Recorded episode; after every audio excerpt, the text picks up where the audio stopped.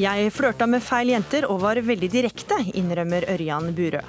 Dette dreier seg ikke om flørting, sier komikerkollega Jonna Støme. Burøe må innrømme alt. Bærum kommune sa nei til Røkkes skyskraper. Nå snuser bergenserne på om den 225 meter høye bygninga som ville nådd halvveis til Fløyen, kan passe inn hos dem. En grotesk idé, sier bergenser som truer med å flytte. Det er diskriminerende at eldre må få helseattest for å beholde lappen, mener mange eldre. Galskap å la være, svarer fastlege. Og 25 år siden OL på Lillehammer. Ukeslutt finner fram gamle pins og sjekker ut OL-moten. Oh. Oh, altså jeg får jeg nesten gråter av glede. Altså For en, på en måte en fantastisk nitrist jakke, men også så herlig og så tidstypisk. Det er lørdag, og det er ukeslutt. Jeg heter Gry Veiby og skal følge deg den neste timen, der det blir både humor og alvor. For visste du at du ved en enkel eh, spytteprøve kan finne ut mer om genene dine? Og mange nordmenn gjør det. De tar en spyttprøve av munnen og sender det til et selskap i USA. Men hvor trygt er egentlig det? Det har lenge svirra rykter om eh, Ørjan Burøe. Denne uka svarte komikeren på anklagene om sextrakassering i sin egen podkast. Der sa han følgende. Jeg kan si at eh, jeg hadde en lang periode i livet mitt hvor jeg eh, var vel høy på meg sjøl. Folk på sosiale medier fulgte meg, og, eh, og jeg mista meg selv litt oppi hele greiene her sånn. Og det forsvarer ingenting, men da blei jeg en dårlig utgave av meg sjøl. Så jeg har, jeg har eh, flørta eh, med feile jenter. Jenter som ikke har vært min kjæreste. Jeg har vært veldig direkte med disse jentene. Og, og det er jo ikke bra. Og jeg, jeg til og med liksom Jeg har, eh, jeg har chatta med mine kollegaer og kompiser sine damer. Ørjan Burøe har også, i tillegg til egen podkast, stilt opp i VG og beklaga oppførselen. Men dette holder ikke, mener du komiker Jonna Støme. Hva er det som ikke holder? Eh, det jeg eh, reagerer på, og flere av mine kollegaer, er jo at eh, det virker litt sånn halvhjerta, denne unnskyldningen. Og så er den rett og slett ikke sann. Det blir sagt at det er flørting og litt direkte, og at det har vært fire-fem år. Uh, og at det liksom er sosiale medier som gjorde at han mista seg selv. Og det, dette er, uh, det er historier som har eh, gått i nesten to tiår nå.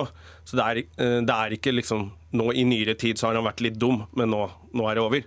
Det er ganske alvorlige ting som folk, med historier som folk sitter på. Og vi i miljøet føler at dette ikke er grei, en grei unnskyldning. Men hva er det du mener han burde gjort, da? Eh, burde innsett hva han har gjort, eh, alvorlighetsgraden av det, eh, og så kanskje innrømmet det. Da er det litt lettere Han sier jo at han er et ræva menneske, at han skulle vært foruten mye av det han har gjort. Og han sier jo da altså, han har gjort noe galt og klandrer ingen andre enn seg selv. Hva ja, mer skal til? Det, det, at man unnskylder alt noen har gjort. Ikke bare tar bitte litt og uh, legger det frem som uh, at det har vært litt aggressiv flørting og vært litt tullete. Uh, og nå er han ferdig med saken, så la oss legge det bak oss. Eh, det blir, eh, det blir, ikke godt nok eh, for oss. Så vi har lyst til å vise alle jentene i miljøet vårt at vi tar dette på alvor. Og at vi ikke vil ha det i, i vårt miljø. Og at det er, det er ikke, det er ikke flørting han har drevet med, da. Det er, det er noe helt annet. Ja, Hvordan vet du det? Folk har jo fortalt meg direkte hva de har opplevd. Det har jo vært til stede ved noen anledninger. Som er ikke så alvorlig, det er bare litt ekkelt og sånne ting. Og så kan man jo se på Facebook-komikere som legger ut i statusen sin eh, egne erfaringer med dette. Og det er direkte Det er ikke flørting når det er så Når alle elementer av metoo er til stede. Mm. Så, så syns jeg ikke det er flørting. Ørjan Burøe ønsket ikke å snakke med oss, men du er her og snakker på vegne av ham. Du, Erland Bakke, du er manager for eh, Burøe. Hva sier du til dem som mener at denne unnskyldninga ikke holder? Ja, altså, altså Først og fremst, Ørjan er eh, i utlandet. og Han fikk noen drapstrusler tidligere denne uken, så han syns det er vanskelig å stille opp akkurat nå. Så jeg tok beslutningen om å sende han på flyet. Så det er vanskelig for han å, å møte her i dag. Så da får jeg prøve å møte for han.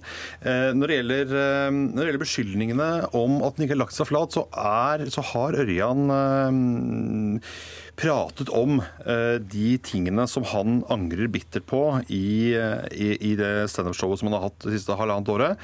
Eh, og, og, tatt et ganske eh, alvorlig oppgjør med det. Eh, og så har ikke det vært et sted hvor verken andre komikere eller media har vært til stede.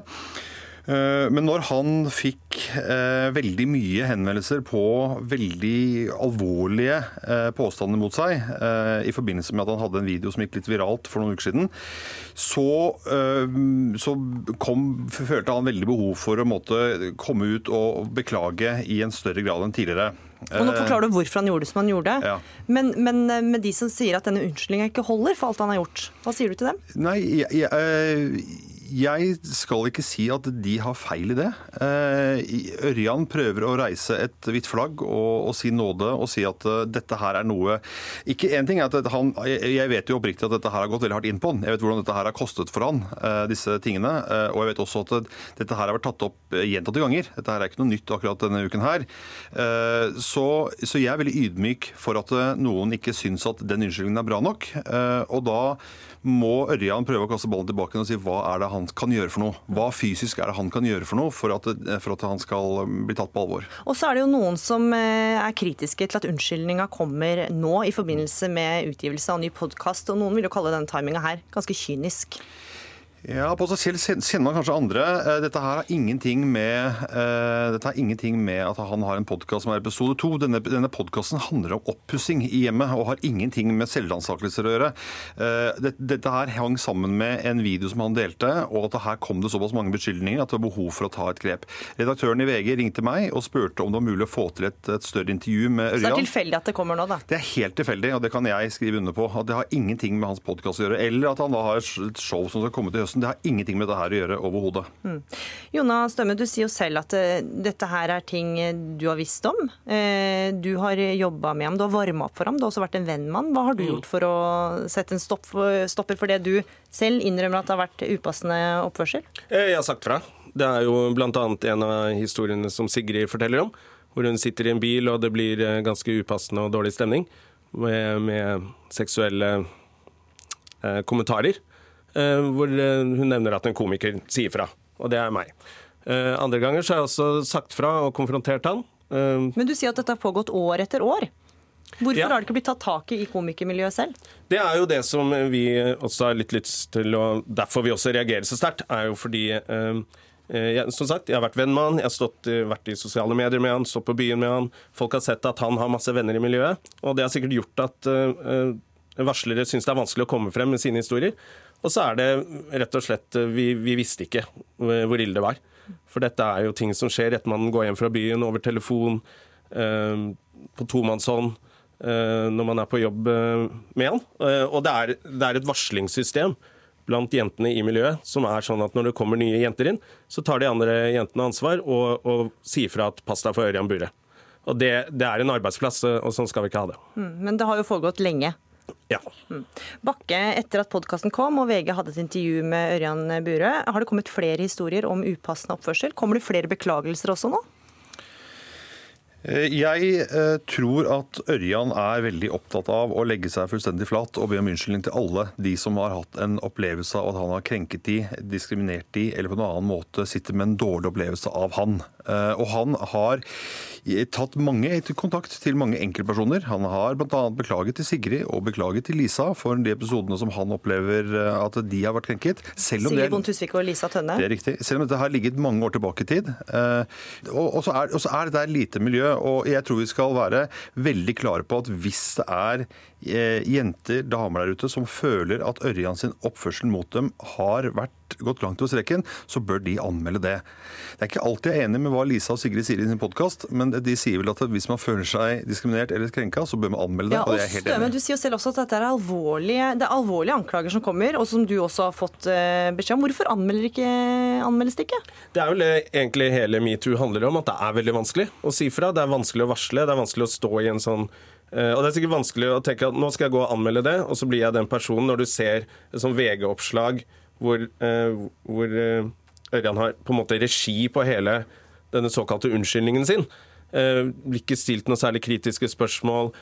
årets pappa på internett. Og, og som vi andre gutta tar mye ansvar for, at eh, folk ser at han henger med eh, personligheter i standup-miljøet. Da er det veldig vanskelig å, å si fra. Og, så, eh, og det er liksom det der når det kommer og elden sitter og lurer i buskene og litt sånne ting. Da, da blir man redd, da, hvis du er en jente på uh, unge jenter som prøver å komme inn i et standup-miljø. Ja, og Bakke, Dere har også fått kritikk fra Kontakta, advokat Jon Christian Elden. Noen har oppfattet det som et tegn på at dere vil skremme. Hva sier du til det?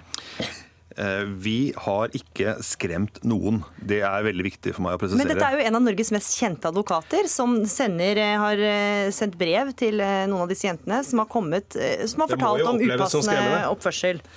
Eh, Hvorfor trenger det han til å sende en beskjed? Det er, det er, det er to grunner til. Eh, Jon Christian jobber jeg sammen med på flere av mine profiler, som ikke bare er Ørjan. Så for, for, meg så er det en advokat som er flink på strafferett, og han ønsker veldig gjerne å jobbe med profiler. Men forstår du at dette er, dette er en av Norges mest kjente advokater? Alle vet hvem han er, han er kjent som en tøff forsvarer. At det kan virke skremmende?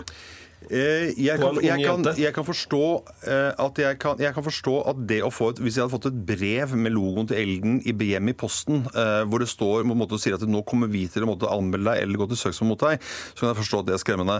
Nå, jeg tror ikke vi skal gå inn i denne saken her, men, men, men det er vitterlig hun har kommet med ganske grove påstander. Men dette er én person, men, denne, men Elden har du jo flere som har fått blitt kontaktet ja, altså, av han? Ja, og det som skjedde var at når, når det var en annen komiker som valgte å gå ut og komme med anklager om at Ørjan var pedofil, det vi da gjorde, var at vi da sendte uh, en anmeldelse, politianmeldelse mot denne komikeren. Og den saken da er fortsatt gående. Støme, Burøe innrømmer jo selv at han har mye han ikke trenger å være stolt over, og dette har kommet opp i kjølvannet av metoo.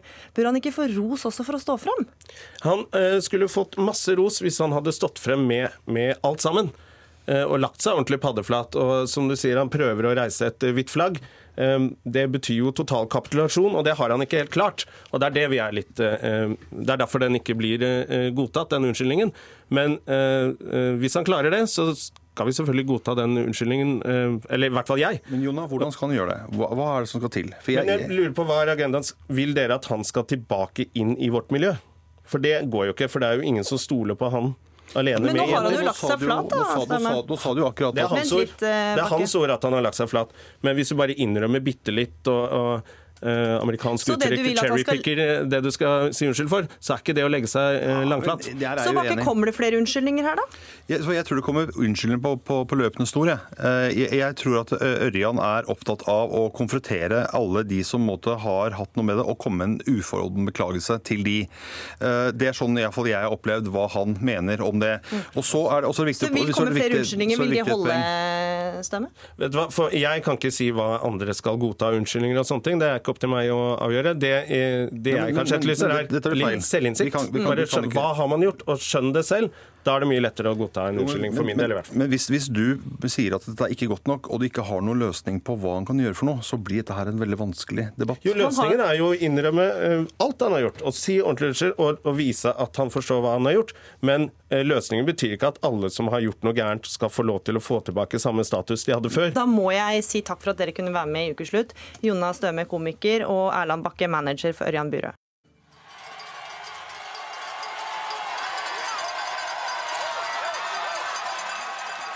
Lillehammer-OL var ikke bare en norsk medaljefest, det var også en fest i klær og effekter. Kubjeller, pins og i store boblejakker slo publikum ei god gammeldags floke. 25 år er gått, og ukesluttsreporter Linn Beate Gabrielsen lurer på om noen av de gamle klærne fortsatt kan brukes i dag.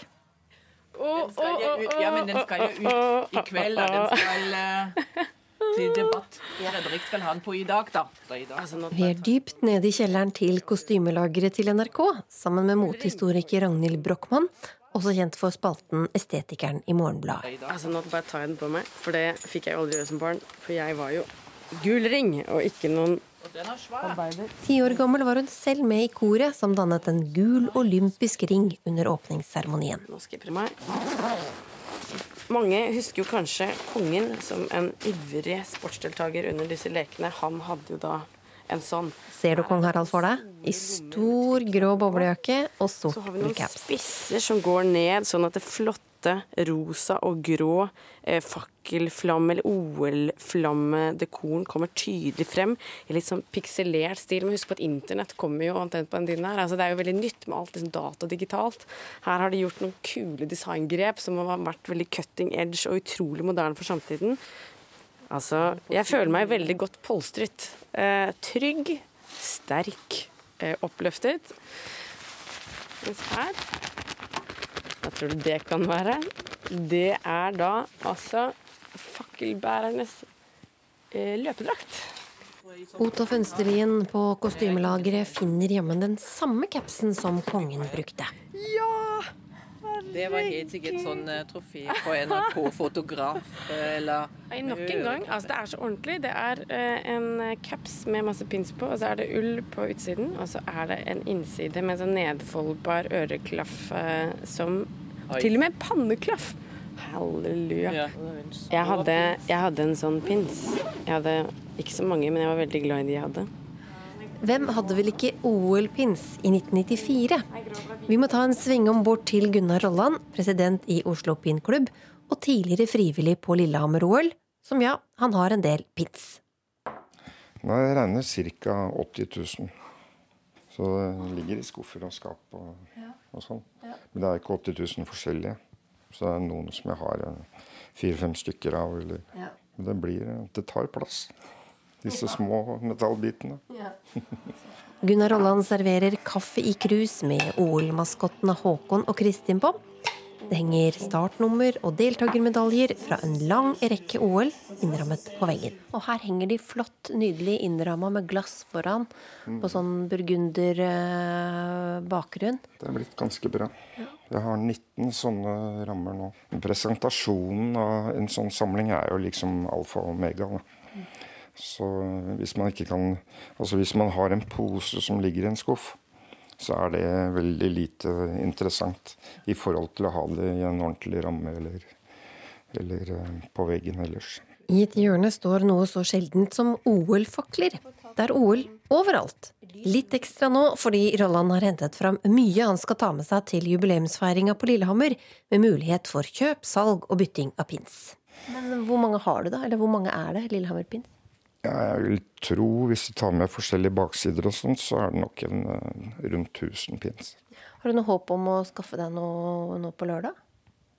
Ja, det skal jeg ikke se bort ifra at jeg får tak i et eller annet å samle på. Det, det tror jeg jeg skal få til. Hva er du mest interessert i da? Eller jeg mangler et par pins fra Lillehammer-OL òg. Så hvis jeg får tak i det, så blir jeg kjempefornøyd. Jeg har et par hull borti en ramme her. Tilbake til NRKs kostymelager. Og om ikke den er moteriktig nå altså Her må vi bare fortelle hva vi ser. Dette her ser til forveksling ut som en veldig trendy eh, skulderbag-rumpetaske. Denne kunne gått rett inn i dagens eh, motebilde. Og halleluja! Og inni her så er det noe, et slips med piktogrammer og noen små skihansker og et pannebånd. Når Ragnhild Brochmann ifører seg OL-klærne på en 2019-måte, ja, så ser det jammen ikke så verst ut. Et stort, grønt piktogramullskjerf tullet rundt halsen, rumpetaske hengende på skrå i brysthøyde, og den kjempestore grå boblejakka åpen utenpå. Så hvis du er en ung mann i byen nå, så tror jeg du får Jeg tror du vil få mye kred om du tar frem dette her, både fordi det er en sjarmerende referanse til en norsk gullalder, men, men også fordi eh, fordi man er tøff hvis man skjønner, eller smart kanskje mer, hvis du skjønner at dette har eh, At det var sett på som ganske god design på sin tid. Så anbefaling til alle som har noe liggende hjemme eller kjenner folk på Lillehammer. Gå og plag dem nå.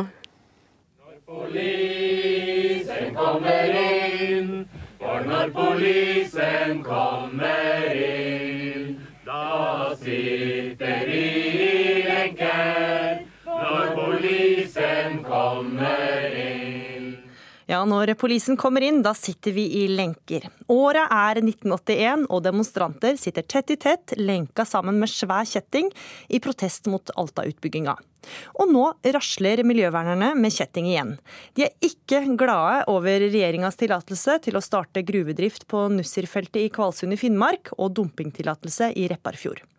Det er varsla flere demonstrasjoner rundt om i landet i dag, og kjente personer som Mari Boine, Erlend Elias og stjernekampvinner Ella Marie er noen av dem som sier de er klare til å legge seg i lenker. Silje Ask Lundberg, leder i Naturvernforbundet, du ber folk forberede seg på et maratonløp i denne kampen. Står vi nå foran en ny Alta-aksjon? Ja, dersom regjeringa ikke snur i denne saken, så gjør vi nok absolutt det. Og der eh, ser vi jo Natur og Ungdom har jo samla inn eh, liste nå med folk som er villige til å gå til det skrittet og bryte loven for å stanse det her prosjektet. Og, og der nærmer det seg nå 4000 eh, mennesker. Så, så, at vi ser konturene av en ny Alta-sak her, det er det ikke tvil om. Og det er jo fordi at det her er en sak som både handler om eh, viktige natur- og miljøverdier, og så mm. er det også et spørsmål om urfolksrettigheter. urfolks rettigheter. Ja, fortell litt om naturverdien her. Hva er det som provoserer sånn denne saken? Det er flere ting, da. Altså, det ene er jo at man alltid tenker at eh, all mulig ny næringsvirksomhet skal kunne forringe og, og ødelegge for verdifull natur. Og her er det jo bare det faktum at man har tenkt å, å dumpe gruveavfallet i sjøen og i Repparfjord, er jo helt vanvittig. Og det er jo også fordi man har jo erfaring med det. Man har jo gjort det før. Eh, det var gruvedrift her på 70-tallet, riktignok i et mindre omfang, men da var det jo sånn at, at villaksen eh, forsvant fra Repparfjordelva i flere år etterpå. Men den kom jo tilbake igjen, da, så skremmer dere folk unødig? Ja, den kom tilbake igjen, men det tok ganske lang tid, og, og nå er den tilbake. Eh, men så er det jo da Det man skal i gang med nå, er jo langt større enn det som var på 70-tallet. Og det er også langt mer omfattende enn det som var på 70-tallet. Så da er jo spørsmålet hvordan kommer de økosystemene til å se ut etterpå. Og Havforskningsinstituttet er jo blant dem som på det sterkeste har advart mot å, å dumpe gruveslammet i Repparfjord. Arbeiderpartipolitiker Terje Wikstrøm, du er ordfører i Kvalsund, og dere feira med bløtkake på torsdag. Dere. Hvorfor var det så gledelig nyhet eh, at det skal eh, starte gruvedrift i Repparfjorden? Ja, Den er gledelig fordi at uh, det her er noe som Kvalsund-samfunnet har ønska og jobba for i, i, mange, mange, mange, mange år. Uh, sånn at man endelig da har en beslutning som er i tråd med, med, med samfunnsønsket, ja, det er det ikke noe tvil om at man da feirer man med kake. For øvrig, mens jeg først har ordet, uh, jeg skjønner at man i, i et sånt motstandsperspektiv skal skal måtte tegne et bilde, eh, men det bildet bør tegnes riktig. Når man sitter og sier at laksen forsvant i forrige periode, så blir det, eh, det blir nesten for dumt. Eh, det, det stemmer ikke, og jeg syns ikke man skal dra den type argumentasjoner inn i det her. Men, men du har jo, Vikstrøm, altså, hva med miljøperspektiv her? Ser du overhodet noen negative konsekvenser for naturen? Absolutt. Det har også Kvalsund kommune, og kommunestyret i Kvalsund sagt. Men det er også sånn i en konsekvensutredning at eh, miljøet settes opp mot samfunnseffekt. Og det gjelder i alle konsekvensutredninger. Slik at man er, vi har også sagt at vi ser med bekymring på en del av, eh, av, av eh, miljøeffekten. Men, og det kan man, jobbe, kan man, fortsatt jobbe for å redusere. Men for oss har det vært viktig å få beslutninger. Jeg bare minner om at Kvassen-samfunnet var altså på ca. 1800 innbyggere ved forrige gruvedrift. I dag, vi, I dag, er vi under 1000. Det er enkel matematikk. Vi kan ikke bare leve av Men da snakker du om arbeidsplasser. Hva med miljøet? Ja, altså Miljø er en del av den pakka der, eh, det er ikke noen tvil om. Men i konsekvensutredninga eh, så har man sagt at den miljøkonsekvensen som miljømotstanderne her, eller motstanderne her tegner, det er ikke det samme bildet som er sagt i konsekvensutredninga. Mm. Ja, for Lundberg, ikke... regjeringa lover jo at mineralutvinninga vil skje på en miljømessig forsvarlig og bærekraftig måte. Hvorfor skal vi ikke stole på det? Eh, fordi det stemmer jo ikke. Og der er det også, hvis man ser på det som Havforskningsinstituttet har skrevet i sine høringsuttalelser til dette prosjektet, så har de også sagt at den gruveavgangen det gruveslammet som kommer til å bli dumpa på fjorden. Det kommer til å både ha store mengder med, med kobber, og, og, da også de, den måte, giftigheten som det vil kunne ha å si for marine eh, organismer, vil være skadelig. Og at de her ikke nødvendigvis vil være så kontrollert som det jo fremgår av de her konsekvensutredningene som er laga, fordi at man mener at de partiklene som man dumper, kommer til å spre seg i et større område av fjorden enn det som gruveselskapet legger til grunn. Og da vil det jo også få større konsekvenser. Sånn at det her handler jo også Det er helt klart, ja, man trenger mineraler for framtida, og det, det, kan jeg være helt fint med på. Det er klart man gjør det.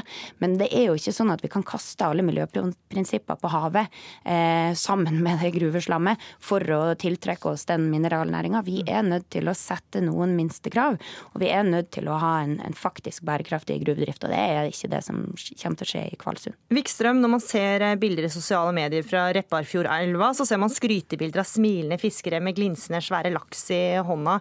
Hvilke konsekvenser vil gruveslammet få for villaksen?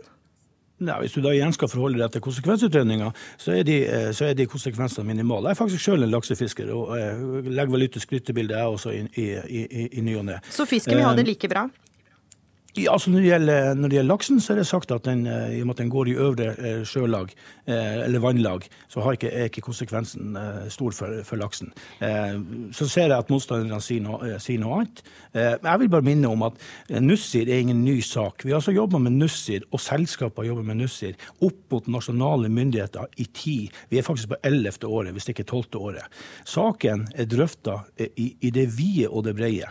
Til slutt så må man komme til en, en, en konklusjon. Det har man gjort i denne saken her. To, ting, to stikkord. Prosess og vedtak. Eh, og det er det som, eh, som, som er viktig. Ja, og Lundberg, Det har jo vært en lang prosess, og både Kvalsund kommune og Finnmark fylkeskommune ønsker eh, gruvedrifta. Hvorfor skulle de sagt ja dersom konsekvensen er så ille som det dere frykter? Og Det er det som er utfordringa, og som vi ser i sak etter sak med store inngrep, er at man hele tida vekter miljøet så utrolig lavt. Og jeg skjønner at det må være vanskelig og frustrerende og tidvis sikkert òg å skulle være lokalpolitiker og skulle sørge for at budsjettene går rundt. Og, og all honnør til alle som gjør den jobben, for all del. Men det er likevel ikke sånn at man kan godta denne formen for inngrep. Eh, bare fordi at man får noen lovnader om noen arbeidsplasser. Og så skal det jo også sies at det er jo også høyst kritikkverdig, og det har jo også Mineraldirektoratet også påpekt i forbindelse med denne søknaden, hvorvidt økonomien i prosjektet egentlig er god nok. Hvor mange arbeidsplasser man fakt, nei, det er hvor mange arbeidsplasser man faktisk kommer til på.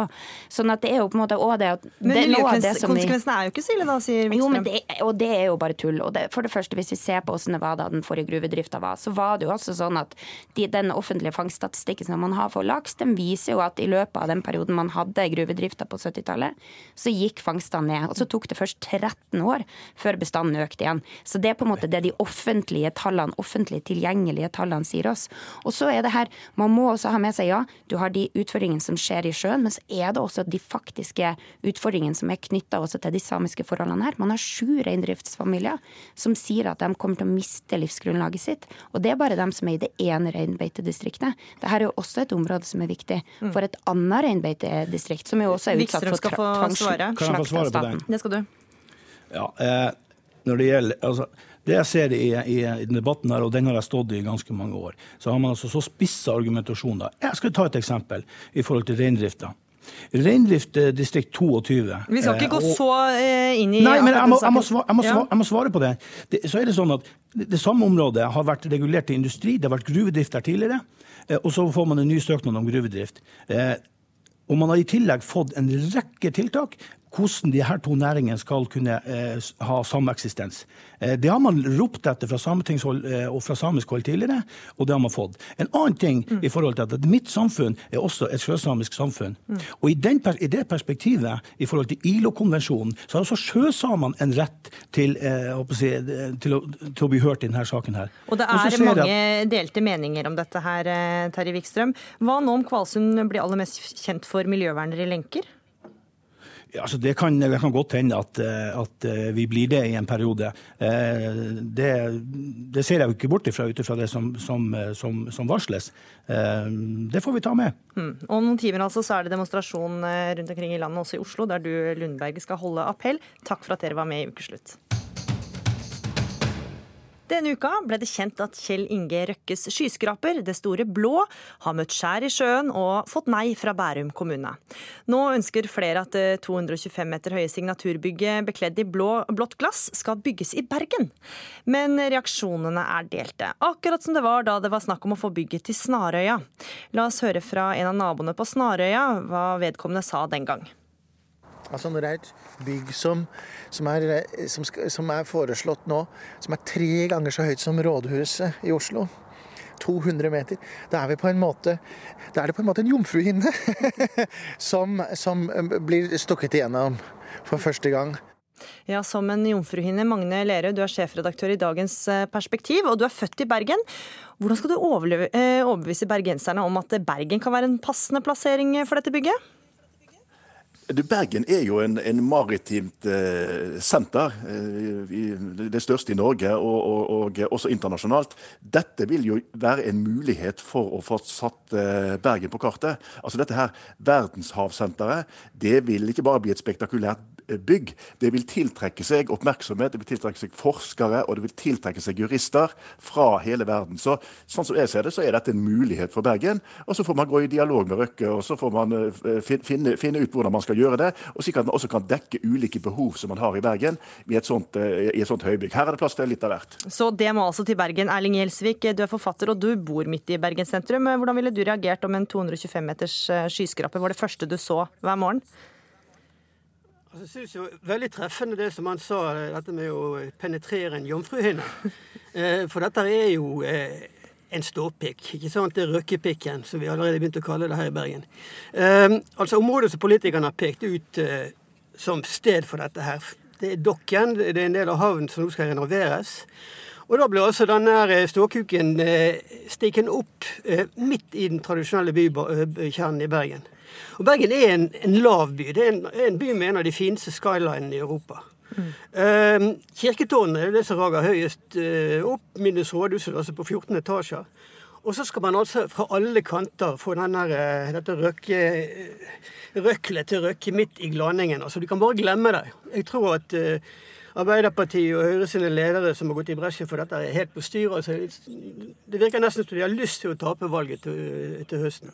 Ja, og så vidt jeg vet, så er vel sagt ja Lerøe født på Askøy, stemmer ikke det? Han er ikke bergenser. Ja, nei da, han er født på Askøy, er du ikke det, Lerøe? Men uh, altså, la oss ha det hvis Men har bodd på Askøy.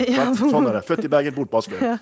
Men uh, Lerøe, altså Røkkes skyskraper ville jo da nådd halvveis til Fløyen, som er da et av Bergens mest populære turistattraksjoner. Ligger 400 meter meter over havet. Det vil jo stikke seg veldig ut, da? Ja, det vil stikke seg ut. Og det er det som er selve dette konseptet. At det skal være spektakulært, det skal være Norges høyeste bygg. Det skal, det skal virkelig rage i verdensklasse fordi man ønsker oppmerksomhet rundt dette. Og det, eh, og det skal fylles med, med, ulike aktiviteter. Nå har det vært snakket om hotell og så har det snakket om havsenteret. Eh, det, det, er, det er muligheter til man legge andre forskningsinstitutter der. Universitetet kan, kan få en plass der. Så Man må se på mulighetene. Dette tullet å snakke om dette her i en pikk, det er, er bare sånn berøvelse som han, han kommer med. Altså, må, man, dette må Bergen ta seriøst seriøst og si at kan dette bety noe for utviklingen av Bergen i de neste eh, tiårene? Det er det spørsmålet man må, må stille seg. Men, og, og, Hvis man da ikke vil ha det, vel, så er det helt sikkert andre. Det er en rekke byer nå som har meldt seg og sier at de gjerne vil ha dette bygget. Og Det går også an å diskutere med Røkke at 200, 200 meter, det, det, var i overkant. Kan, kan, kan, vi jekke det ned litt? Altså, den typen diskusjoner bør man heller ha istedenfor sånn, på en måte, karakteristikk sånn, sånn, eh, og, og, gjøre dette til en useriøs diskusjon, som, som Gjelsvik heller har gjort. Det, det bør han spare seg. Gjelsvik, altså det er jo da et høyhus man får plass til veldig mye i høyden, og det, det er jo begrensa med plass i byen, så det kan jo være bra for alle som ønsker å etablere seg da i byen. Spørsmålet er om du skal ødelegge det, det menneskeskapte miljøet for å, for å bevare klimaet, sånn som Lerøy tror at dette her handler om. Altså, Sånne eh, prosjekter som dette er veldig typisk for, for vår tid, hvor en eller annen utbygger lager et klimafennis over prosjektet sitt, og så får han det på en sånn argumentasjon sklidd igjennom en naiv politisk prosess. Eh, altså, hvor det skal ligge. Det kan ligge i alle andre byer. Jeg ville lagt det til Abu Dhabi. Et sånt sted hvor de allerede har, har en skyline hvor det passer inn. Eh, altså De nøyaktig samme argumentene mot dette bygget her eh, gjør seg gjeldende i Bergen i enda større grad, siden man ønsker det så sentralt, eh, som det gjorde på Fornebu. Eh, det, det, det, passer ikke inn i det norske landskapet. Altså Når du snakker om å plassere oppe i, i Os istedenfor Men også der vil det være veldig ødeleggende for Bergensdalen, som er et fantastisk naturlig område med byen i midten, og hvor man, våre forfedre har hatt vett til å la byen ligge lavt i en dialog med, eh, med fjellene rundt. Og eh, altså, Lerøy kan prøve å få dette til å høres useriøst ut eller ikke, men det er altså, en, en, en skyskraper av den uh, typen der er veldig lik en fallos. Ikke bare meg som har sagt det. Ja, og For ordens skyld så har jo politikerne i Bergen også sagt ja til havsenter, men de må diskutere dette med om det skal, hvorvidt det skal være en skyskraper. Men Lerøe, hvorfor må det være så høyt? Er, altså, her er ideen å bygge en skyskraper for å skaffe oppmerksomhet, for at det skal bli et symbol for en viktig satsing. Og Det er klart at det er en forutsetning at dette virkelig blir et prosjekt som klima og forskning profitterer på. Eh, det må man selvsagt forutsette. Man, man, man må ikke tro her at, at, dette er en løs tanke som Røkke har. At han bare vil bygge et, et bygg og så fylle det med kommersiell aktivitet. Det skal bli verdenhavenes hovedkvarter, er det de har sagt. Skal samle alle sentrale havaktører under et tak. Ja, men samtidig så vil han helt Det er sånt, sånt uh, pisspreik som man pakker et sånt prosjekt inn i for å få det som man vil. Men det altså, som er farlig med din holdning til at dette er et pisspreik, og send det, sende det til utlandet det, altså, Din holdning fører til at Norge mister en mulighet ved, ved, ved, ved, en satsing på, på, forskning og på klima. Det er jo det som fører til det, din hjemmesnekrede holdning om at i Bergen så skal vi ikke ha det høyere enn sånn og sånn. Det, det, er greit, det, men da sier du nei til en hel rekke muligheter. Men hvis det da er andre byer som heller vil ha det Bergen, ja, så la de få det. Men ideen her er å bygge et høyt bygg. Og det tror jeg Røkke vil holde fast på. At Alle vil ønske seg at han skal bygge et havsenter et eller annet sted, eh, og mer forskning, men det, er ikke det som er ideen. Ideen er å bygge en skyskraper. Det er det man må starte med. Og Det neste trinn det vil si at OK, vi har en skyskraper, men vi syns den er litt for høy, og så vil vi ha inn en del andre aktiviteter mm. som det er behov for i Bergen. Ja, Gjelsvik, trenger, du legger, det er helt sikkert mange som trenger mer plass i, i Bergen. Her kunne man fått store muligheter som du legger en stopper på. Her, altså, som jeg nevnte, så er rådhuset i Bergen på 14 etasjer. Og fra første dag da det ble bygget, så har bergenserne hatet det, for det er altfor høyt og altfor dominerende i den tradisjonelle bykjernen. Så hvis eh, Kjell Inge Røkke skulle få dette igjennom og ønsker å bli dyppet i tjære og fjær eh, eh, i Bergen, så kan han jo forsøke å fortsette på dette. Altså, Det kommer aldri til å skje. Eh, altså, Her er det totaliteten til byen som står opp mot et et fullstendig malplassert prosjekt. Og det er så underlig at de i det hele tatt gidder å, å promotere det. Altså I Bergen kommune så finnes det en diger skuff Vi skal ikke ta hele runden, Nei, men hør, Erling Det, det finnes en diger skuff og sånne prosjekter som dette er skrinlagt. De har vært sånne skyskrapere år etter år etter år som går rett i bøtten. For de får det ikke gjennom i denne byen med den karakteren den har, og den beliggenheten den har. Og eh, det naturlige, de naturlige omgivelsene som man er nødt til å ta hensyn til for at dette skal være en attraktiv by fremdeles. Men om han blir dyppet i, eh, i tjære og fjær, jeg vet ikke om det var en lovnad eller en trussel, Erling Gjelsvik. Takk for at du var med i Ukeslutt. Takk også til deg, Magne Lerøe. Og til uka så skal byrådsledelsen i Bergen, sammen med flere representanter for byen, møte Nina Jensen, som fronter Verdenhav Verdenhavets hovedkontor, for å diskutere mulighetene. Og som sagt så har de så langt sagt ja til et havsenter, men med tvilsomme stiller de seg til eh, så høy skyskraper.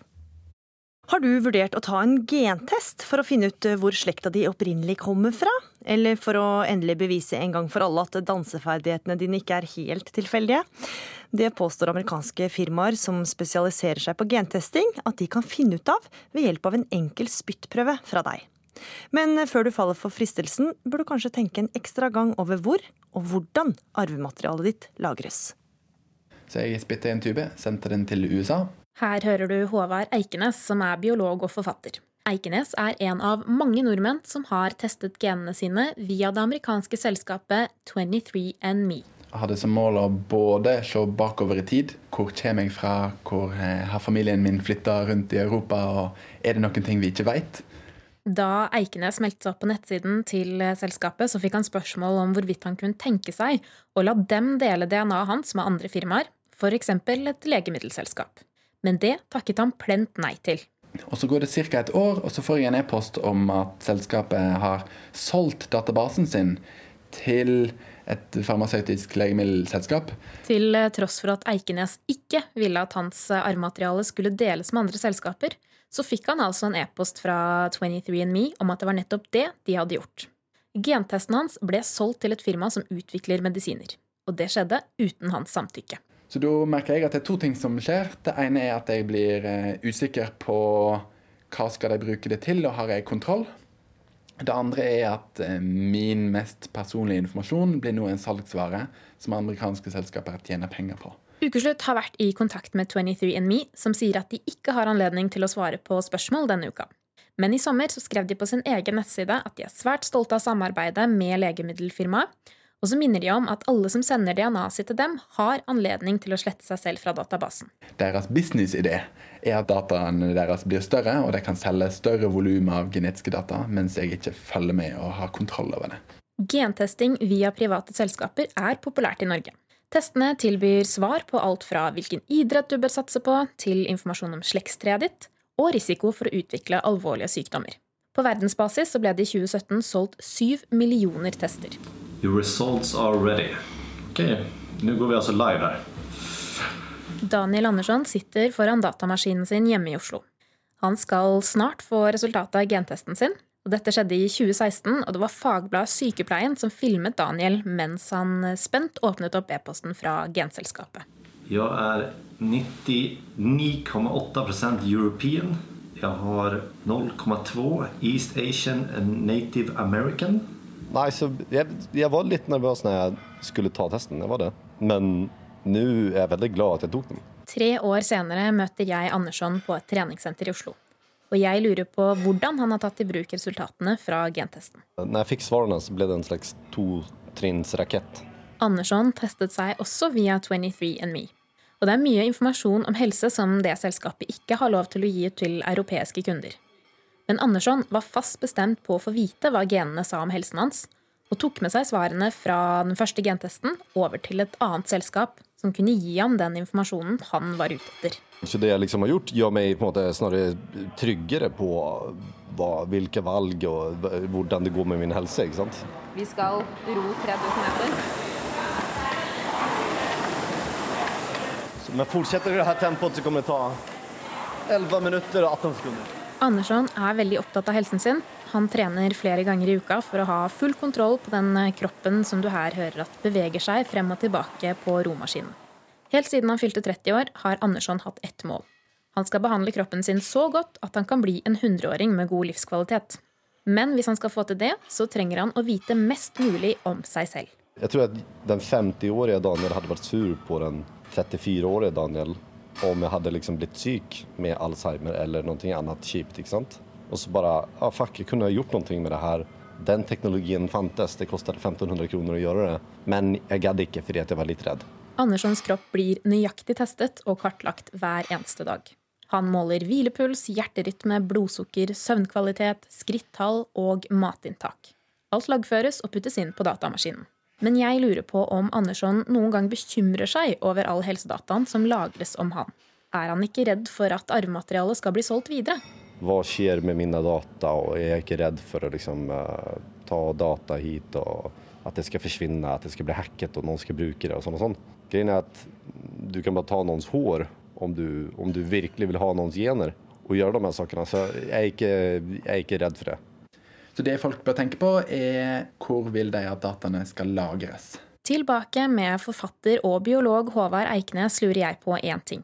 Gjør det egentlig noe om arvematerialet vårt blir til en handelsvare? Selvsagt vil nok eh, noen tenke at her er det en mulighet til å utvikle gode gentester på fremtidig intelligens for å bruke det til opptaksprøver på privatskoler, og sortere for de som er mest kapable til å lære komplekse ting, sånn at de skal få de beste jobbene. Eikenes mener det er helt naturlig at vi her i trygge, gode og demokratiske Norge ikke tenker på å sortere mennesker basert på genene deres. Likevel er det slik at vi lever i en verden som er i stadig forandring, med stadig større teknologiske fremskritt. Men det er jo klart at vi er en del av et verdenssamfunn der ikke alle tenker sånn om verdiene av eh, forskjeller blant folk. Ja, til slutt så hørte du Håvard Eikenes, biolog og forfatter, og det var reporter Julia Afshari Kaasa som eh, traff ham, og blant andre Daniel Andersson, som tok gentest i 2016.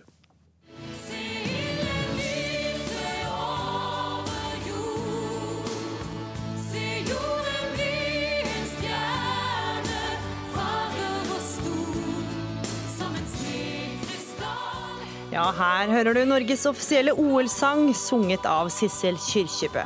Og denne uka er det 25 år siden vi nordmenn virkelig fikk skrudd opp selvtilliten vår noen hakk. For vi håva inn medaljer og fikk til og med beskjed om at vi hadde arrangert de beste vinterolympiske lekene noensinne. På Lillehammer blir jubileet behørig markert i dag, og Reidar Kjæstad, du er reporter. Du står nå i det som under OL ble omdøpt til Stågata, for det var så overfylt at folk bare måtte stå i gata. Hvor mye nostalgi er det i Storgata hos dere nå? Du, Det er noe helt eh, kolossalt du, med folk. Det er klart Her på Lillehammer så er det jo stort sett OL i 94 vi prater om uansett året rundt. Men nå har vi fått lov til å være inne i skåpet vårt og finne fram at vettekostyme og OL-drakter av alle slag. og Få lov til å gå ut i gatene med dem. Så det er klart dette her er jo stort for alle i eh, området her. Og Det kommer folk utenfra for å være med og feire jubileum. En kar som kanskje ikke venta å se et slikt utgangspunkt mm, eh, fra et parti som kanskje ikke har framstått som noe voldsomt like OL-forkjempere. Men Bård Hoksrud, du er ofte med i ukeslutt, men denne gangen som pins-samler. Fortell. Ja, jeg er jo litt eh, mer interessert i pins enn de aller fleste andre, for å si det sånn. Og da er vel ingenting bedre enn å komme til Lillehammer og feire 25 år. Og pins var jo en viktig del av OL på Lillehammer, og det var jo her hysteriet virkelig virkelig tok av. Så her står vi og prater, viser fram litt fint. Ikke så mye bytting, men litt sal. Men det aller morsomste er jo folk kommer og de husker at de hadde pins og sier at nå ligger det Jeg vet ikke helt hvor jeg har den, jeg tror jeg har i et skap eller noe sånt. Ja, for Mange vil si at pinsens historietid er over, men, det, men det, det er stor interesse fortsatt, altså? Jeg vet ikke om det er så stor interesse. Det er noen år som samler og er litt gærne, for å si det sånn. Men de aller fleste bryr seg vel ikke så mye. Men det kommer noen som syns det er gøy å kjøpe med seg et par fordi de husker å og prisen er jo blitt noe helt annet enn det det var under OL på Lillehammer. Da tok du helt av. Så, men det er utrolig morsomt. Folk kommer bort og prater og, og mimrer fra 94. For du har jo 100 000 pins. Hvem er det du har med her som du er mest stolt av? Nei, Siden du er fra NRK, da, så må jeg jo si at NRK hadde noen ordentlig gode noen. da. Jeg har ikke den eh, dyreste og ordentligste med meg her, men, men, eh, og den det var veldig lite opplag på. Men jeg har jo NRK-pins her. og Selvfølgelig Coca-Cola er en av de store som har vært helt rå på, på OL og alle OL omtrent som de har vært med på opp gjennom historien. Så det er mange som husker de. Og så er det selvfølgelig masse norske selskaper som er morsomt å mimre på. Mm. Eh, når du ser engasjementet for OL her nå, så regner jeg med at eh, du kommer til å jobbe knallhardt for at vi får et nytt eh, mesterskap til Lillehammer i framtiden? Ja, som du sa, så er jo dette noe som det er diskusjoner om i mitt parti. Men jeg tror at vi kunne vist at det går an å lage OL som blir fantastiske folkefester, som vi hadde her på Lillehammer i 94. Og at man går, går, an å gjøre med helt andre summer enn det vi har sett på de siste OL-ene nå. fordi jeg tror at man må vise at det går an å arrangere OL uten at det skal koste skjorta, og at det går an å få til god OL med fantastiske folkeopplevelser, sånn som vi hadde her på Lillehammer i 94. Og da kanskje pinsenfest i renessanse òg? ja, det skal ikke se bort fra. Plutselig så, så blir det kjempestemning for pins igjen. Jeg har noe fra OL i 52 også, så vi er jo blitt veldig populære. Men, eh, og det blir, det blir selvfølgelig Lillehammer 94 også, hvis eh, vi får et nytt OL. Reidar Kjærstad, du får, du får ønske Bård Hoksrud lykke til med pinssamlinga si. Takk for den rapporten fra Lillehammer. For debatten om nok et vinter-OL i Norge har jo igjen blussa opp. Hørte et eh, varmt innlegg her fra Bård Hoksrud. Det var jo så gøy sist, og vi fikk så mye skryt, så hvorfor ikke bare, eh, bare arrangere OL igjen, eh, Jan Arild Snoen, kommentator i Minerva? Det er rett og slett for dyrt. Det er ikke verdt penga. Da Oslo utredet og søkte om dette i søkte om statsgaranti for å få de 22, så ble jo kostnadene sånn rundt 20 milliarder kroner netto. Det er veldig mye penger. Det er veldig mye mer enn eh, alle andre idrettsarrangementer koster. Og det er 20 milliarder som vi godt kan bruke til andre ting. Men du hørte jo nostalgien her, da. Du får jo igjen i nostalgi så det holder flere tiår etterpå. Ja, er det ikke verdt det? Det, det gjør jo tydeligvis det hos mange eh, som, eh, som tar fram dette igjen senere. Men, men likevel. Likevel for dyrt. Mm. Eh, Stine Lise Hattestad Bratsberg, du vant OL-gull i kulekjøring på Lillehammer eh, i 94. Du er gründer og bærekraftsrådgiver, og du mener at vi har råd til et nytt OL dersom vi bare vil. Hva er det du ser som ikke Snoen ser? Jeg har vel ikke vært så påståelig på at vi har råd til det, men jeg har lyst til å angripe det hele litt annerledes. Jeg sitter nå faktisk her i Lillehammer, og i dag er det 25 år siden jeg vant OL, og det var en stor opplevelse. Gratulerer med dagen, må jeg nesten si da. Men ja, tusen takk. Men det som er viktig her, er å spørre oss hvorfor skal Norge eventuelt arrangere et OL? Eh, og det er veldig mange ting vi gjør i Norge som koster mye penger, som ikke nødvendigvis alle er enige om verdien av hver eneste krone og øre. Men det er litt sånn i næringslivet nå så snakker man om trippel bunnlinje. Man snakker om eh, en bærekraftig bunnlinje som handler om hvordan man faktisk ivaretar mennesker og samfunn. Hvordan man ivaretar klima- og miljøspørsmål, og hvordan man samtidig ja, trenger å skape verdier. Der hørte vi deg. Du forsvinner litt, eh, Bratsberg. Jeg tror vi faktisk har mista helt eh, kontakten med deg. Mens noen, vi hører jo her eh, Bratsberg også snakket om det tidligere. En ny måte å tenke på. altså At man tenker gjenbruk, og at det derfor ikke nødvendigvis trenger å bli så dyrt. Ja, altså Det er klart det går an å Det er helt opplagt at det går an å gjøre disse arrangementene billigere og bedre enn det vi har sett de siste gangene. Altså Sotsji kostet vel noe sånn som 400 milliarder kroner. Eh, Pyeongchang i Sør-Korea 100 milliarder eller noe sånt. Det er opplagt at du kan gjøre det bedre enn det og billigere enn det. Eh, Men Oslo-OL var jo også solgt inn på mange vis på, med de samme argumentene. At det skulle være et nøkternt og bærekraftig og grønt og alt dette. Så det er ikke noe nytt. Likevel så ble det veldig dyrt.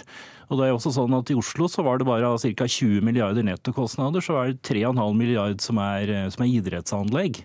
Eh, og noe i tillegg på annen infrastruktur. Så, så, du mener egentlig at det går ikke an å få, det går få noe særlig billigere? Det går ikke an, fordi altså, aller meste av kostnaden er rett og slett det er, det er arrangementskostnader, ikke Mm. minst uh, sikkerhetskostnadene, som har økt kraftig de siste årene. Ja, Bratsberg, vi hører her Jan Arild Snoen si at det er ikke nødvendigvis, selv eh, om man eh, prøver eh, gjenbruk eh, og, og denne nye måten å tenke på, da, så vil det uansett bli veldig dyrt å arrangere OL. Nå er det litt vanskelig for meg å være med på diskusjonen, fordi jeg vet ikke hva dere har hørt av hva jeg sa, og jeg vet ikke hva han har sagt, for jeg har vært uh, ute av det uh, nett, eller jeg har ikke vært koblet på radioen her på en stund. Uh, men, Men du kan jo fortelle hvorfor du tenker at det er verdt å ha et OL i Norge, da. Ja. Det jeg begynte med, var at jeg tror vi må tenke på hvorfor. Og jeg vet ikke om alle hørte det at i næringslivet så snakker man om trippel bunnlinje. Man snakker om verdien både for mennesker og samfunn, verdien for miljø og klima, og man snakker om bærekraft i forhold til økonomi. Og det er hundrevis av argumentasjoner for å si at et OL er altfor dyrt. Men jeg mener at det også finnes veldig mange grunner for at vi kan snu rundt på det. Og si at hvis Norge faktisk vil gå foran, sånn som man gjorde med OL her på Lillehammer, og arrangere et bærekraftig OL, så handler det ikke om å eh, bare regne hjem verdien og i kroner og øre. Eh, og jeg vet det er gjort utrolig mange utregninger som viser at det, det gagner ikke eh, samfunnsøkonomisk heller. Men hvis vi ser på nye økonomiske beregninger som gjøres for å måle verdi i til og med finansverden i dag, så er det ulike parametere som bringer inn enn det man kanskje har gjort på beregninger som er gjort til nå. Så når noen sier at eh, vi bør ikke arrangere det fordi det blir for dyrt, så mener du at det, da ser han på det på en helt feil måte? Jeg sier ikke han ser på det på en feil måte, men jeg sier at vi må spørre oss hvorfor vi vil arrangere et OL. Og vi i Norge gjør veldig mange ting vi syns er eh, veldig dyrt, og som vi kanskje ikke kan, regne hjem. Eh, det gjelder ikke bare idrettsarrangement. Eh, så eh, jeg syns at eh, enten så må vi ha lyst og vite hvilke type OL vi skal arrangere. Ikke et OL for å please verken IOC eller Pampere eller hva som helst man måtte snakke om. Eh, Men det handler om å lage et idrettsarrangement som vi i Norge og hele verden kan være utrolig stolt av. Og med den nye teknologien vi har, med sirkulær økonomi, med hvordan vi har frivilligheten Vi trodde ikke det var frivillighet som ville stille opp under ungdoms-OL. Hvordan skulle vi få de unge til å være med? Det var jo ikke noe problem. Det var jo så mange som ville være med at det var jo for mange. Så, så at, det, at det motiverer mange og at det engasjerer mange, det er ikke noe å lure på. Og så At vi ikke kan regne hjem krone for krone, det kan godt hende. Men er det faktisk den måten vi skal regne hjem et OL på? Det er sånn her i verden at vi har eh, begrensede ressurser. og Derfor må vi begrunne hvorfor penger skal brukes. eh, og Offentlige midler skal brukes. Eh, Og hvis vi sier at nei, vi får gjøre det uansett, og vi bør ikke regne på det, ja da, det, da, da bryter hele uh, politikken sammen. For da blir det bare sånn ekstrapenger, juksepenger som brukes, som sier at vi trenger ikke å prioritere. Vi må det. De 20 milliardene, 25, 30, 40 som skal brukes på et OL, de må tas fra et sted. Da blir det mindre penger til andre ting. Eller eventuelt at du kan øke skattene. Da blir det mindre eh, Men da hørte du ikke hva jeg sa om hvordan vi skal regne det hjem. Men Bratsberg, ja, men hvordan du skal regne det inn, det er jo, altså, dette er jo veldig vagt. Det er jo bare sånne, sånne, sånne trylleord. Eh, realiteten er at pengene må tas fra et sted.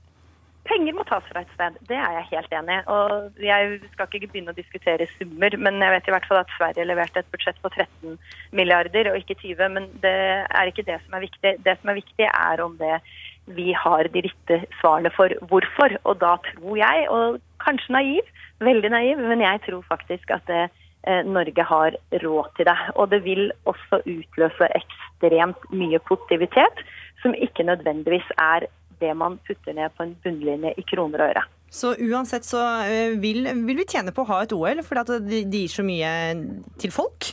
Nei, det er ikke det jeg sier. Jeg sier at vi må bestemme oss for hvorfor vi vil ha et OL. Og hvis argumentene for hvorfor vi vil ha et OL stemmer overens med regnskapet, som ikke bare regnes hjem i kroner og øre, da bør vi søke om et OL. Ja, vi kan jo si, altså Det er klart at det har, det har sin verdi hvis når folk har, har det moro i 14 dager, eller også kan ha minner etterpå. Men, men igjen så er det da, altså, jeg har kalt dette i forrige runde, dette er en stor fest først og fremst eh, som varer to-tre uker. Eh, og det blir en veldig dyr fest. Eh, effekten på lengre sikt er, er diffus og veldig vanskelig å måle, selvsagt. Men, men det er altså, sånn, ringvirkninger for næringslivet. Vi finner ikke eh, helsetilstand, eh, hvor mange som, eh, som eh, er aktive i idrett. Vi finner ikke noe effekt av det. Så det er først og fremst det er 20 milliarder for en fest for 14 dager. Det blir det aldri verdt. Og denne debatten her kommer garantert til å fortsette videre. Stine Lise Hattestad Bratsberg, takk for at du var med i Ukeslutt. Takk også til deg, Jan Arild Snoen. Etter et eh, uhell med bilen opplyste Storbritannias prins Philip nylig at han etter en grundig vurdering hadde bestemt seg for å gi fra seg førerkortet som 97-åring. Eldre sjåfører har høyere risiko for å havne i en bilulykke enn unge. Likevel går Vegdirektoratet nå inn for å heve aldersgrensa for helseattest. I dag er det nemlig slik at bilførere over 75 år må ta en test hos fastlegen sin for å bevise at de er egnet til å kjøre bil. Og nå kan grensa bli heva til 80 år. Lege Kåre Reiten, hva syns du om å heve aldersgrensa til 80? Jeg er skeptisk til det, og bakgrunnen for det, det er at jeg syns det var fornuftig det som ble gjort for ca. ti år siden, når de økte grensen fra 70 til 75. Fordi at det er rundt 75 år at problemene og de helsemessige problemene begynner. Ja, for hva Eh, skjer, hva skjer med kroppen og sinnet fra man, fra man er fra 75 til 80? Nei, altså det, det, jeg må si det først at dette er et, dette er et kjønns, kjønnsproblem på den måten at kvinner er veldig flinke til å vurdere seg selv. Menn er elendige til å vurdere seg selv som førere. Og levealderen for menn i Norge er 80 år. Og eh, da begynner man å få helsemessige problemer, i alle fall fra 75-årsalderen og framover, der helsen begynner å svikte, både i forhold til syn, i forhold til hørsel, i forhold til også demens. Og det kan være på veldig mange punkter, som svimmelhet, nedsatt balanse, mange ting som kan gjøre man farlig i trafikken. Mm. Så dette forslaget er rett og slett eh, trafikkfarlig? Ja, altså jeg, jeg, jeg, jeg syns det er veldig radikalt eh, når man snakker om å heve dette helt opp til 80 år. Eh, Jeg opplever vel at, eh, at mange ganger så er det, er, det, er det problemer lenge før. Og klart dette kan være trafikkfarlig. og mange tror likevel at eldre i trafikken er ikke noen fare, fordi at de kjører sakte og er forsiktige. Men jeg er også helsepolitiker i Stavanger og har snakket med politiet i Stavanger angående trafikken, og de sier at absolutt så kan det være en del farer som de opplever blant eldre, sjøl om de kjører forsiktig. Tidligere statssekretær i Samferdselsdepartementet under Willoch-regjeringa. Anders Madslien, du er 80 år, du har engasjert deg mye i denne saken. Du mista lappen for tre år siden, men eh, du fortsatte å kjøre. Hvor eh, trygg vil du si at du var på veien? Jeg var eh, nok en trygg sjåfør fortsatt, etter mitt skjønn. Men jeg har vel ikke den selvinnsikten som Reiten etterlyser. For jeg er jo mann. Ja, du er jo mann. Men min, når, jeg begynte, når jeg fortsatte å kjøre For kanskje si at jeg har ikke kjørt veldig mye, men jeg har, jeg har gjort det helt åpent. Jeg har nevnt det for politiet, jeg har nevnt det for leger, jeg har nevnt det for min omgangskrets, nabolag. Eh, og jeg hadde et håp om at, eh, at iallfall politiet skulle gripe inn overfor meg. For deg er dette her en prinsippsak, ikke sant? Hva syns du om eh, denne aldersgrensen som er foreslått til 80 år nå? Ja, da må jeg gå tilbake til det som eh, ble oppdraget til de to direktoratene. Og det lyder slik. Eh, Samferdselsdepartementet ber Vegdirektoratet sammen med Helsedirektoratet eh, utrede ordninger som kan erstatte dagens aldersbaserte ordning. Mm. Det har de to direktoratene besvart på en elendig måte. De har ikke utreda noe alternativ, de har bare foreslått en liten oppjustering av aldersgrensa. Ja, For du, du mener rett og slett at det er aldersdiskriminerende å ha en sånn eh, At man skal ha rett og slett en øvre aldersgrense? Helt klart, og det mener jeg nok eh, eh, fordi jeg heller ikke kan se at det er noen større ulykkesfrekvens eh, blant eldre sjåfører. Det er en, en gammel sannhet, det der. Det holder ikke mål i dag. Eldre sjåfører i dag lærte å kjøre bil for mange, mange år siden. Og de har kjørt trutt og trufast og, og lært seg nye regler. og fungerer veldig bra og er gode kunder for forsikringsselskapene. Ja, Reiten, vi, vi hører jo ofte at 40 er de nye 30, 70 er de nye 60 osv. Vi blir jo stadig yngre, og disse, trafikantene, nei, disse bilistene har jo vært på veien en god stund. Ja da, vi blir stadig sprekere, vi lever lengre, eh, og alt det der er positivt. Men eh, likevel, når man kommer opp i en viss alder, så får man en del begrensninger. Jeg må si det at jeg syns som fastlege denne jobben med førerkort er noe av den mest ubehagelige og vanskeligste jobben jeg har. Og jeg tror at det er riktig å si at i mange tilfeller er vi for snille. Og jeg vil si nesten månedlig har jeg telefoner fra sønn av pappa, som pappa som er par 80 år, og der sønnen eller svigerdattera ringer til meg og sier du må ta fra førerkortet fra en far, for han kjører stort sett på fortauet, og han kjører helt uforsvarlig, og barnebarna, våre barn, får ikke lov å sitte på med han. Og så sier jeg da må du ta det opp med din far. Nei, det kan vi ikke gjøre, han blir så sint. Dette er, en, dette er en ganske vanlig situasjon for oss som leger, og, og vi prøver å tøye strikken så langt som den går, men i en del tilfeller så må vi absolutt eh, ta fra noen førerkortet, og det kan, trenger ikke være i veldig høy alder, det kan være helsemessige ting som gjør at, eh, at man må det. Og jeg har også ment det at vi burde sette en øvre grense i forhold til førerkortet f.eks. på 90 år, fordi at veldig mange får en uverdig avslutning på sin bilkjøring. Da, da snakker jeg om menn, altså. For det finnes ikke en mann i Norge som ikke mener at han er helt utmerket flink til å kjøre bil. Og du kan ta fra mannen pengene, du kan ta fra han potensen, men førerkortet, det er det viktigste. Ja, Madslin, hva sier du til det? Ingen eh, bilister over 90 år eh, på norske veier? Vel, jeg har for min del naboer som nærmer seg de 100 og kjører bil. Og det er ingen som har kommet på tanken om at eh, de nærmeste naboene mine der skulle miste førerkortet. Men hvorfor er, det, ja, hvorfor er det så viktig å kunne beholde bilen? Ja, når du bor på landsbygda, så er bilen en helt nødvendig ting å kunne beherske og bruke hvis en skal ha et fornuftig eh, liv. Eh, alt er i såpass stor avstand, iallfall i den kommunen jeg bor i, Toten, at eh, eh, du kan ikke som 80-åring begynne å vandre rundt. Du kan ikke begynne å sykle. Og det, er en, rimelig lang vinter. Det er såpass glatt at du, eh, du, du har det mye tryggere i bilen. Og det skal veldig sjelden skje at man eh, gjør skade på noen som helst med bil i den alderen. Det er eh, en myte at vi er trafikkfarlige når vi kommer opp i så høy alder. Det Og- motsatte er tilfellet. Og Reiten, verken Sverige, Danmark eller Tyskland har krav til helseattest eh, for eldre sjåfører. Hvorfor skal Norge ha det da? Nei, Vi har iallfall hatt en lang tradisjon på at vi har hatt det. Og sånn som jeg ser, så tror jeg at vi har veldig få ulykker i trafikken i Norge. Eh, og eh, så det, jeg, jeg, jeg, er skeptisk til at vi skal, i fall skal få fjerne helseattesten, men jeg tenker hvis det Men så, hvis de skal øke, så hører du jo hvor viktig bevegelsesfriheten eh, er, da. Har ikke det også mye med helse å gjøre? Jo da, det er helt riktig, og jeg, har tenkt, og jeg har også diskutert det med en del, at altså det, hvis man bor på landsbygda eller holder til på ei øy, som ganske mange gjør, og kan kjøre til butikken, det er ganske verdifullt og ganske ufarlig. Men samtidig som du sier at eldre blir sprekere, så er trafikkbildet mye, mye mer komplisert i dag eller hva det, er, hva det har vært tidligere. Så det er stor forskjell på å kjøre i Oslo eller å kjøre ute på landsbygda. Og det var faktisk noe man kunne vurdert, og at førerkortet har en begrenset omfang.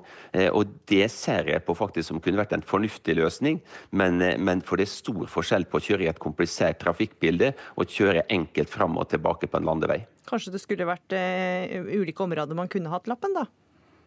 Ja, jeg, jeg mener at det har vært fornuftig, og det er faktisk mange eldre pasienter av meg som har foreslått det sjøl. For de bor sånn at det akkurat det å kjøre til butikken og til eldresenteret, der har de kjørt 10 000 ganger før, og det er trygt og godt, og det tror ikke jeg er noe farlig. Er du enig i det, det Maslin? Er det en løsning? Det kan være en løsning. Eh, Nå har jo ikke eh, egentlig noe nytt blitt utreda av de to direktoratene. Det er en veldig skuffelse. Hadde jeg vært oppdragsgiver, så ville jeg ikke bare vært skuffa, jeg ville vært irritert. Eh, Men så til det om pårørende som er bekymra for at de gamle fortsatt kjører. Eh, Da jeg eh, ga denne saka et ansikt gjennom media, så fikk jeg en strøm av henvendelser, og deriblant ifra pårørende som bor langt unna sine eldre, som ikke kan eh, være til tjeneste for dem hver dag, og som ser hvordan de nå forfaller etter at førerkortet er blitt tatt fra dem. Dette er en veldig viktig problemstilling for oss som bor utover landsbygda. Og jeg jeg er helt enig i Jeg har også bodd i Oslo-området. Og jeg er helt enig i at det er noe ganske annet å kjøre bil i Oslo-området enn f.eks. på Toten eller i Gudbrandsdalen. Så kanskje vi fikk en eh, forslag til en mellomløsning her. Takk for at dere var med i Ukeslutt, Anders eh, Madslien og lege Kåre Reiten. Og med det er ukeslutt slutt denne lørdagen. Ansvarlig for sendinga, det var Kari Li. Det tekniske ansvaret hadde Hilde Tosterud, og her i studio var Gry Veiby, som ønsker deg en fortsatt fin dag.